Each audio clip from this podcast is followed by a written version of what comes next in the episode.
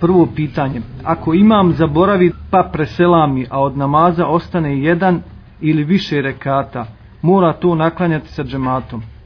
Da li u tom slučaju treba ponovo prušiti kamet prije doklanjavanja?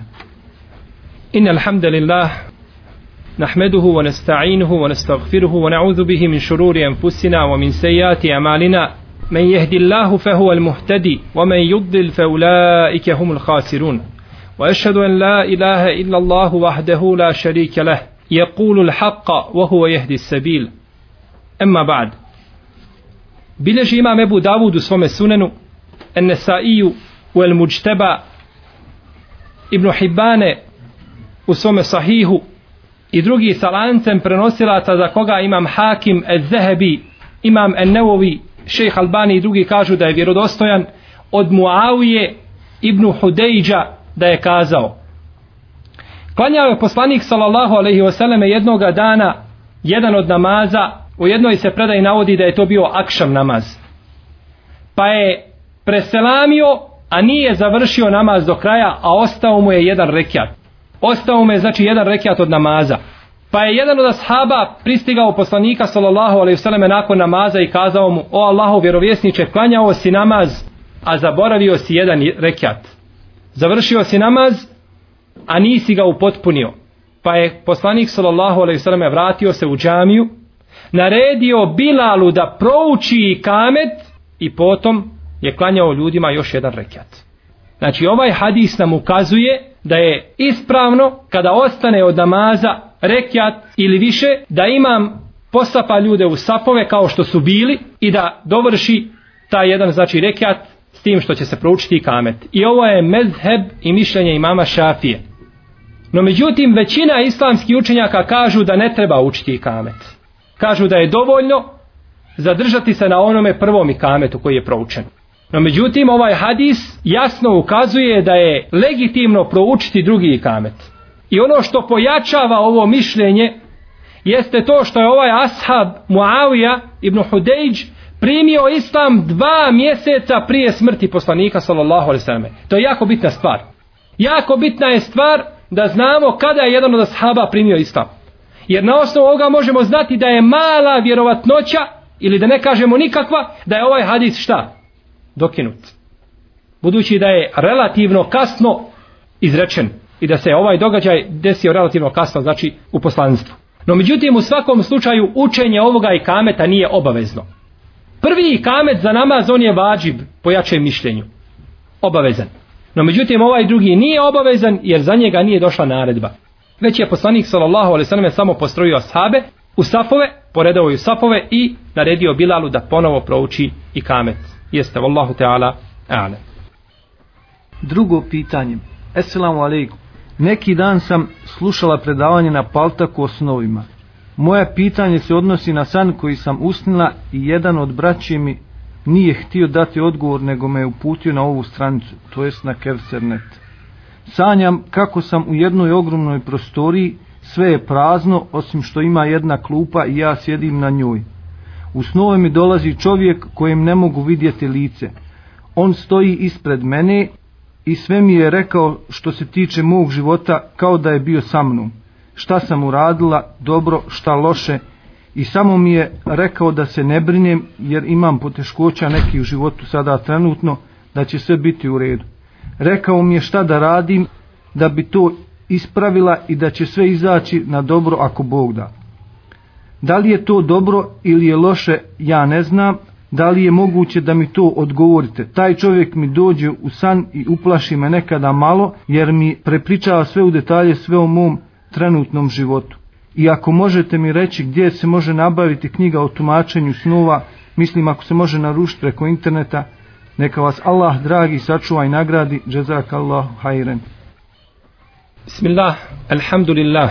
Što se tiče snova, u islamu postoje tri vrste snova. Prva vrsta su snovi koji su od Allaha Đelešanu. Ru'ija saliha min Allah. Istiniti i ispravni snovi koji su od Allaha Đelešanu. I oni se smatraju 46. dijelom poslanstva. Druga vrsta su snovi koji su od šeitana. Ru'ja mine šeitan. Prva vrsta snova oni su najbolji snovi, a to su od Allaha Đelešanu, istiniti snovi. Druga vrsta, to su najgori snovi, a to su šeitana. Kada se šeitan čovjekom igra u njegovom snu, da bi ga isprepadao, preplašio i tako dalje. I treća vrsta su snovi za koje se kaže hadithun nefs. Kada duša sama sa sobom priča, monolog duše samom sa sobom, pobrkani snovi, neki kažu adgatu ahlam, da su to pobrkani snovi koji nemaju jasno i ispravno, niti se mogu jasno i ispravno protumačiti. Što se tiče tumačenja snova, snovi se neće tumačiti svim ljudima na isti način. Znači tumače se ljudima na različite načine. Pa je neophodno uobziriti stanje onoga koji je usnio stan. Njegovu vjeru, njegov dijanet, njegov ahlak, njegovo ponašanje, posao kojim se bavi, vrijeme u kome je usnio taj san, mjesto u kome je usnio san, sve je to neophodno uobziriti da bi se mogao znači taj san protumačiti. Ovako kaže Ibnu Kutejbe u svome dijelu Tabiru Ru'ija i ovako kaže Imam El Kurtubi u svome dijelu El Mufhim i ovako kaže Ibnu Hađaru Fethul Bariju. I ovako tvrde drugi islamski učenjaci a od njih je Imam El Begavi u svome dijelu Šerhu Sunne. Svi smatraju da je neophodno ove stvari obziriti. I na to jasno ukazuje tumačenje snova koje se navodi od Selefa. Pa recimo kada čovjek sanja hladnu vodu, nije isto sanjati hladnu vodu ljeti i hladnu vodu zimi. To se razlikuje. Hladna voda ljeti biva nešto dobro i biva hajr. Protumači se kao hajr. A hladna voda zimi protumači se kao neko zlo. Jer je čovjek potreban hladne vode ljeti, nije zimi. Zimi ima svugdje hladne vode, ali je treba ljeti. Pa znači postoji različito, znači to tumačenje. Kaže imam Šihab el Abir u svome dijelu El Bedrul Munir na 187. stranici. Kaže, došao mi je čovjek pa mi rekao, sanjao sam meleka smrti. Sanjao sam da sam ja melek smrti. Pa mu kaže ovaj Šihab el Abir, kaže ti si mesar. Kaže, jesam, tako je. Kako je Šihab el Abir znao da je ovaj čovjek mesar? Kaže, povezao sam meleka smrti sa mesarom, jer mesar uzima brojne duše, ubija brojne životinje. Kao što melek smrti uzima duše, pa sam povezao to, pa sam mu rekao da je mesar. Kaže, jeste. Kaže, došao mi je drugi i kaže, rekao, sanjao sam da sam melek smrti, pa sam mu kazao, ti si ente se fakud dima. Ti si onaj koji bespravedno prolijevaš ljudsku krv. Wakati u tariq. I ti si, kaže, onaj koje ljude presrećeš na njihovom putu. I otimaš njihov imetak. I uz, uzimaš njihove, to jeste, živote, ubijaš ih. Kaže, jeste, tako je, pa se je pokajao toga. Pogledajte kako je jedan te isti san dvojici ljudi protumačio na potpuno različit način. Nije to znači tumačio na isti način. Kaže Ibnul Arabi el Maliki u svome dijelu Aridatu Lahvazi u devetom stomu na 157. stranici. Bel inne šejel wahid fil menam kad je tasarrafu ala mijeti vođ eu jezid. Hatta en el mar'ate te tesarrefu fil menami ala elfi deređetin u vođhin džemaha Aliju ibn Abi Talibin el Kajrevani fi manzumeti ši'arin. Pogledajte šta kaže Ibn Arabi el Maliki u svome dijelu Aridatu Lahvedi. Kaže jedna stvar koja se sanja u snu može se ponekad protumačiti na stotinu različitih načina. Stotinu ljudi sanja jedan te isti san i svakom se čovjeku taj san protumači na različit način. Znači, kod tumačenja snova nema fiksnog šablona i šeme po kojoj se ide, nego svaki čovjek ima za sebe posebna pravila, pa se shodno tim pravilima tumače snovi. A kaže kada se žena sanja u snu, kada čovjek sanja žensku u snu, to se kaže može protumačiti na hiljadu načina. Na hiljadu različitih načina može se žensko protumačiti u snu. Kaže sve je te načine na koje se može protumačiti sakupio Alija ibn Abi Talib el Kajrevani u jednom stihu. Ne misli se da je to jedan stih. To su desetine stihova u kojima je sakupio kako se to sve, znači viđenje žene u snu može protumačiti. Pominje imam El Begawi u svome dijelu Šerhu Sunne u 12. tomu na 224. stranici kaže došao je čovjek od Ibnu Sirina, Muhameda Ibnu Sirina, poznatog tabina, koji je umro 110. hiđarske godine. i kazao mu, kaže ja sam sanjao da učim ezan. Ezan u arapskom jeziku u osnovi u jeziku neterminološko značenje je obavijest, oglas. A u šarijatu je to određene riječi kojima se pozivaju ljudi na namaz. No međutim, u jezičkom, lingvističkom značenju ezan je oglas, poziv. Kaže, sanjao sam da učim ezan. Pa mu kaže, obavit ćeš hađ. Bićeš ove godine hađija, inša Pa mu je došao drugi, pa mu kaže, sanjao sam da učim ezan. Kaže, hajr, inša Allah, pa se okrenuo i otišao. Nije mu ništa rekao. Kada je otišao, kaže, ovo je lopov, ovome će ruku odsići. Nije njemu htio to kazati. Kaže, ovaj je kradljivac, njemu će biti ruka osjećena.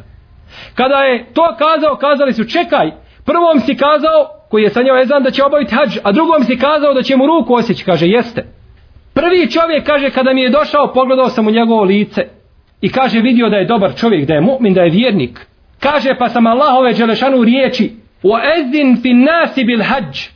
I ti ljudima oglasi hađ. Povezao sa njegovim snom. Pa sam mu rekao da će obaviti hađ. Razglasi ljudima hađ. Kaže, ja sam sanjao da obavljam ezan. A Allah Žešanu kaže Ibrahim a.s. O ezin fin nasi bil hađ. I ti ljudima razglasi, šta?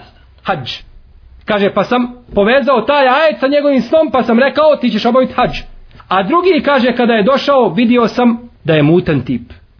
Vidio sam na njegovom licu crnilo i vidio sam da nije dobar čovjek. Kaže, pa sam to povezao sa riječima Allaha te barake o ta'ala, thumme ezden el muezzin, ejetuhe la'iru innekum nesarikun. A potom muezin se oglasi, čovjek prouči ezan, to jeste oglasi se, i reče, o karovano, vi ste u istinu kradljivci. U suri Jusuf. Kaže, njega sam vidio da je pokvaren čovjek, pa sam taj njegov hal i to njegovo stanje povezao sa čime? Sa ajetom u kome Allah Žešanu kaže da je ovaj muezin oglasio o karavano, vi ste u istinu kradljivici. Kaže on je kradljivac. Pa pogledajmo kako je jedan te isti san protumačio na dva različita načina. Što nam jasno ukazuje da se san ne može tumačiti svakom čovjeku na isti način. I niko od islamskih učenjaka nije kazao da se san tumači šablonski. Da se tumači znači svim ljudima na isti način. Ovo je predaj također zabilježio imam El Halil ibn Shahin u svome dijelu Ali Šarat. Ovdje je bitno naglasiti da nije svako ko je učen u šarijetu nije sposoban da tumači snove. Može čovjek biti najveći učenjak u šarijetu, ali nije sposoban da tumači snove. Jer su snovi jako specifična oblast s obzirom na učenje. Snovi su jedna od rijetkih nauka koja se ne može naučiti. Snovi, tumačenje snova se ne može naučiti. To nije nauka koja se uči, braću. To je poklon i dar od Allaha, da ga kome hoće. Može čovjek od snova naučiti neka pravila i neke principe koji se držali islamski učenjaci, to može. Ali da tumači snove, to je dar od Allaha Đeršanu i to ne može se učiti. To se ne uči. To Allah Đeršanu daje od svojih robova kome hoće. Zato Allah te barake od tala kaže Jusuf a.s. O kezalike jeđtebike rabbuke o juallimuke min te uidele hadith. I tako će tebe tvoj gospodar odabrati nad ljudima i poučiti te tumačenju snova. Šta znači ovaj ajet? Na šta nam ukazuje? Da je potrebno da Allah nekoga odabere i da ga Allah pouči tumačenju snova. To je dar od Allaha. Dar od Allaha te barake o teala. Zato kada pogledamo na islamske učenjake i istoriju vidjet ćemo da je jako mali broj ljudi odnosno učenjaka koji su tumačili i tefsirili snove. Jako malo. Također od ashaba nećete naći da su ashabi puno tumačili snove. To su bili rijetki slučajevi. Na primjer, ponekad je neko od ashaba protumačio snove pa je došao poslanik sallallahu sallam da to potvrdi. Pa vide živno je Bišejbe u svome musannefu sa lancem prenosilaca za koga Hafiz ibn al-Hajar u Fethul Bariju kaže da je vjerodostojan. Od Abdullaha ibn Ebi Abdurrahmana es kaže kada je poslanik sallallahu alejhi došao u Medinu pobratio je između Salmana i Ebu Bekra. Pobratio je njih dvojicu. Pa je jedno večer Salman El Farisija usnio jedan san. I vidio Ebu Bekra u snu da su mu njegove ruke privezane uz njegov vrat. Priljubljene uz vrat. A to su opisi Džehenemlija. Pa se okrenuo Ebu Bekra.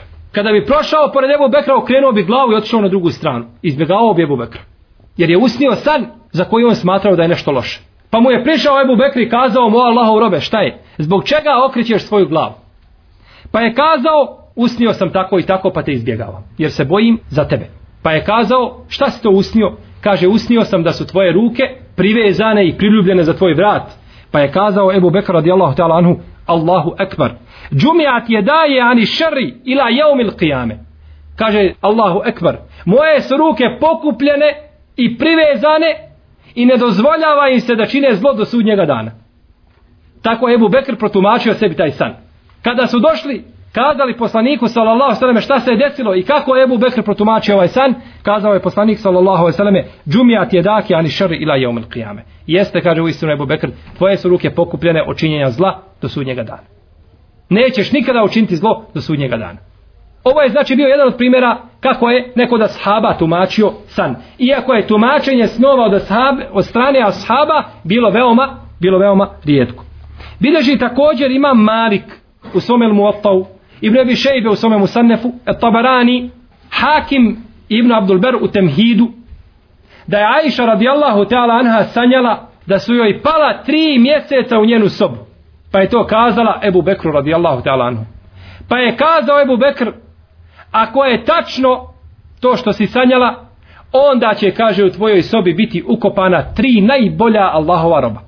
U tvojoj sobi će biti ukopana tri najbolja Allahova roba. I istinu je kazao radi Allahu Teala Anhu. Dakle, vidimo ovdje da se tumačenje snova razlikuje s obzirom na osobu koja je usnila taj san.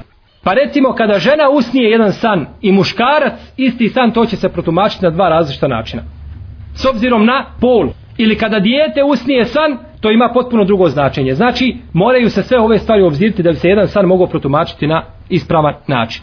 Jer je san braćo kako kaže poslanik sallallahu alejhi ve selleme ene ru'ya ala rijli ta'irin malem tu'abbar fa idha ubirat waqat u hadisu koga bilježe Abu Davud ibn Mađe sa vjerodostojnim lancem prenosilaca kaže poslanik sallallahu alejhi ve selleme san je na ptičjoj nozi sve dok se ne protumači. A kad se protumači onda će se desiti. Šta znači to na ptičoj nozi? To znači da san još uvijek lebdi. Neće se ostvariti dok se ne protumači. Kad se protumači, tada će se desiti. Zato je neophodno da tumači san samo onaj ko je stručan i ko poznaje tumačenje snova. Da ne bi čovjeku protumačio na pogrešan način san, pa da mu se onda desi ono što se ne bi trebalo desiti. A sve je to naravno Allahova te barake dala odredba. Sve to Allahova te barake dala odredba. I da bi čovjek tumačio osnove, mora poznavati brojne znanosti. Kako tvrdi imam Ibn Džuzi u svome dijelu El Qawaninul Fiqhije i kako tvrdi imam El Menawi u svome dijelu Fejdul Kadir. Mora čovjek poznavati brojne znanosti. Pa kaže Ibn Kutejbe u svome dijelu Tabiru Ru'ija na 74. stranici, kaže svaki čovjek ili svaki alim koji poznaje određenu oblast može se služiti tim znanjem da donosi fetve i da govori o određenoj šerijatskoj oblasti. Osim, kaže čovjeka koji tumači snove. Takav, kaže, mora poznavati i Kur'an, i sunnet, i emsalul arab, primjere arapske koji se navode, odnosno da kažemo primjere podneblja u kome se tumače snovi. I kaže, mora poznavati čak i rijetke stihove poezije, koji se jako rijetko navode i njih mora poznavati. I mora poznavati jezik dobro. Odakle je izvuđ, iz, izvučena određena riječ i značenje iz jezika. Šta je pravo značenje te riječi u jeziku? Mora poznavati, kaže, i brojne one narodne primjere i riječi, fraze i izraze koje su poznate među narodom i brojne druge stvari. Mora sve to znači poznavati da bi mogao ispravno, da bi mogao ispravno tumačiti snove. Ovo bi bilo ukratko o snovima i o propisu snova.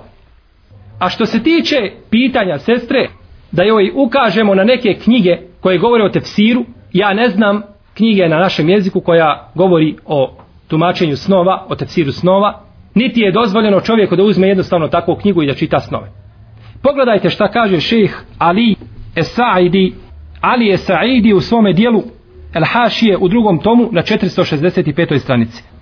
فلا يجوز له تعبيرها بمجرد نظر في كتب تفسير كما يقع الآن فهو حرام لأن لأنها تختلف باختلاف الأشخاص والأحوال والأزمان وأوصاف رائين kaže nije dozvoljeno čovjeku da tumači snove samo gledajući u knjigu da pogleda u knjigu sanjao sam to i to i pogleda u knjigu snova i kaže ako si sanjao to i to znači to i to To kaže nije dozvoljeno kao što mnogi čine danas. To je kaže haram i to je zabranjeno. Jer se kaže tumačenje snova razlikuje od osobe do osobe i razlikuje se od vremena do vremena i razlikuje se od stanja i hala u kome se nalazi onaj koji je usnio san. Slično ove kazao je i autor knjige El Fewaki Huddevani Malikijskog mezheba u znači drugom tomu na 457. stranici. Kada ima Malik pitan hoće li čovjek tumačiti snove onako od sebe kazao je ebi nubuvati julab zar se kaže može čovjek igrati sa poslanstvom Snovi su dio poslanstva, 46. dio poslanstva. Kako onda čovjek može doći i igrati se znači sa poslanstvom? Što se tiče sna, koga je usnila naša sestra, taj čovjek koji dolazi, a koji naređuje nešto da čini, što je u skladu sa šarijatom, neka učini. Neka to ne smatra sebi vađibom, neka učini. Na primjer, naređuje da uči Kur'an na pamet, da uči hips Ili da odgaja svoju djecu na ispravan šerijatski način. Ili da bude pokorna svome mužu. Ili da dobročinstvo čini svojim roditeljima i slično tome, neka mu se pokori, neka to čini ne smeta. Ali ako joj bude naređivao nešto što se kosi sa šerijatom i šerijatskim propisima, onda se ne smije pokoriti, ne smije to činiti. Ne smije to činiti. Taman čovjek da usnije poslanika sallallahu alejhi ve sellem i da kaže naređuje mi na primjer da odem da udarim tu i tu osobu ili da ubijem toga i toga i slično, ne smije se pokoriti. Po konsensusu islamskih učenjaka. Ne smije se pokoriti takvom snu. Tako je ova sestra, znači ako je stvar koja je legitimna šerijatom, neka je čini, ako nije, neće je činiti. A što se tiče njenog pravog tumačenja ovoga sna, Allah Đeršanu najbolje poznaje ono što ljudi usniju. Allahu Teala, ana. Treće pitanje. U prevodu knjige Ličnost žene muslimanke na stranici 131 stoji naredni citat. Bekra bint Ukbe došla je kod majke vjernika Aiše radi Allahonu i upitala je za kanu. Pa joj je odgovorila plemenito drvo i čista voda. Upitala ju je o depilaciji, pa joj je odgovorila ako imaš muža i u mogućnosti si da iščupaš svoje obrve, kako bi ih uljepšala, onda to učini. Da li je ovaj postupak u istinu ispravan? Ovo je citat iz knjige Ličnost žene muslimanke. Ja ću pročitati sada iz originala te knjige na arapskom jeziku ova isti citat. U njemu stoji Dahalet Bekratu bintu Ukbe ala umil mu'minine esejdeti Aisha radijallahu anha فسالتها عن الحناء فقالت شجرة طيبة وماء طهور وسالتها عن الحفاظ فقالت لها in kjane leki zeuđ festopati ententezi'i mukletejki fetedo'ihima ahsene mimma huma fefali. Ovako je citat u arapskom originalu. Što se tiče ovoga prevoda on je ispravan. Osim riječi mukletejki. Riječ mukletejki.